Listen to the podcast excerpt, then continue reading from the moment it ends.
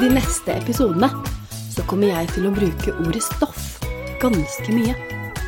Og da mener jeg ikke sånn stoff som klærne våre er laget av, eller gardinene hjemme i stua. Nei, i naturfag så kaller vi egentlig alt vi ser rundt oss for stoffer. Alt er bygd opp av forskjellige stoffer. Bord, stoler, hus, biler er bygd opp av stoffer. Dyr og planter og du og jeg er bygd opp av stoffer. Og det er ulike stoffer i lufta rundt oss. Så hva er disse stoffene for noe? Det skal jeg prøve å forklare i denne episoden. Jeg tror jeg starter med å komme med eksempler på noen ulike stoffer. For eksempel vann og stein. Eh, treverk er et stoff, appelsinjuice er et stoff. Men så er spørsmålet hva er disse stoffene laget av? Kanskje er appelsinjuicen laget av flere forskjellige stoffer? Svaret på det er jo ja, for hvis du ser på pakka, så ser du at appelsinjuice har forskjellige ingredienser i seg. Og vi kan egentlig si at det er det samme med stein og med vann. De er laget av flere ulike stoffer som er satt sammen Vann, for eksempel, er laget av to forskjellige stoffer, nemlig oksygen og hydrogen. Husker du jeg snakka om hydrogen i episoden om sola? Da sa jeg at sola er laget av hydrogen. Er det ikke rart at det er det samme stoffet i sola som i vannet? Hydrogen finnes også i lufta og er det aller vanligste stoffet i hele universet. Og så nevnte jeg jo oksygen. Det har du kanskje hørt om? Det finnes også i lufta, og det trenger vi for å puste. Neste spørsmål er da Er det sånn at oksygen er satt sammen av ulike stoffer? Og her er svaret nei.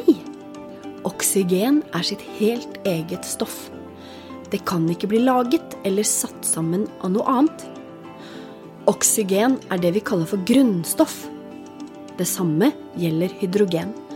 Og hvis vi deler opp stoffene vi har rundt oss, sånn som vann og stein eller appelsinjuice, så vil vi se at de er satt sammen av disse grunnstoffene. Vi veit om 118 grunnstoff til nå. Alt vi har rundt oss, er laget av disse 118 stoffene. Så hvis vi kunne zooma inn på ett av disse grunnstoffene Vi kan bruke oksygen, da. Da hadde vi sett at det er bygd opp av bitte små byggeklosser. Og de kalles for atomer. Alle stoffer er bygd opp av atomer. Atomene kan hekte seg sammen med flere andre atomer, og da kaller vi det for et molekyl.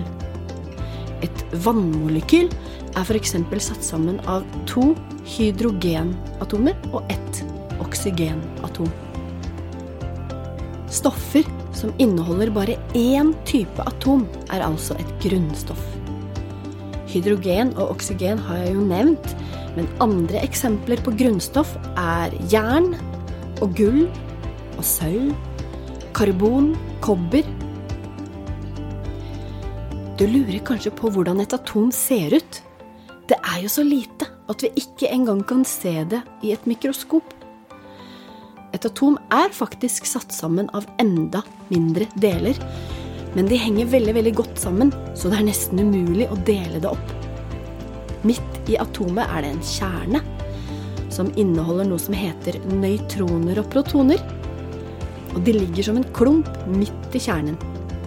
Og rundt kjernen så fyker det elektroner rundt atom har like mange av hver. Oksygen, f.eks., har åtte elektroner, åtte protoner og åtte nøytroner. Mens sølv har 47 av hver. Så forskjellen på grunnstoffene er rett og slett hvor mange elektroner, protoner og nøytroner de har. Jeg tror det er nok om stoffer for denne gang, men jeg skal snakke mer om det i neste episode.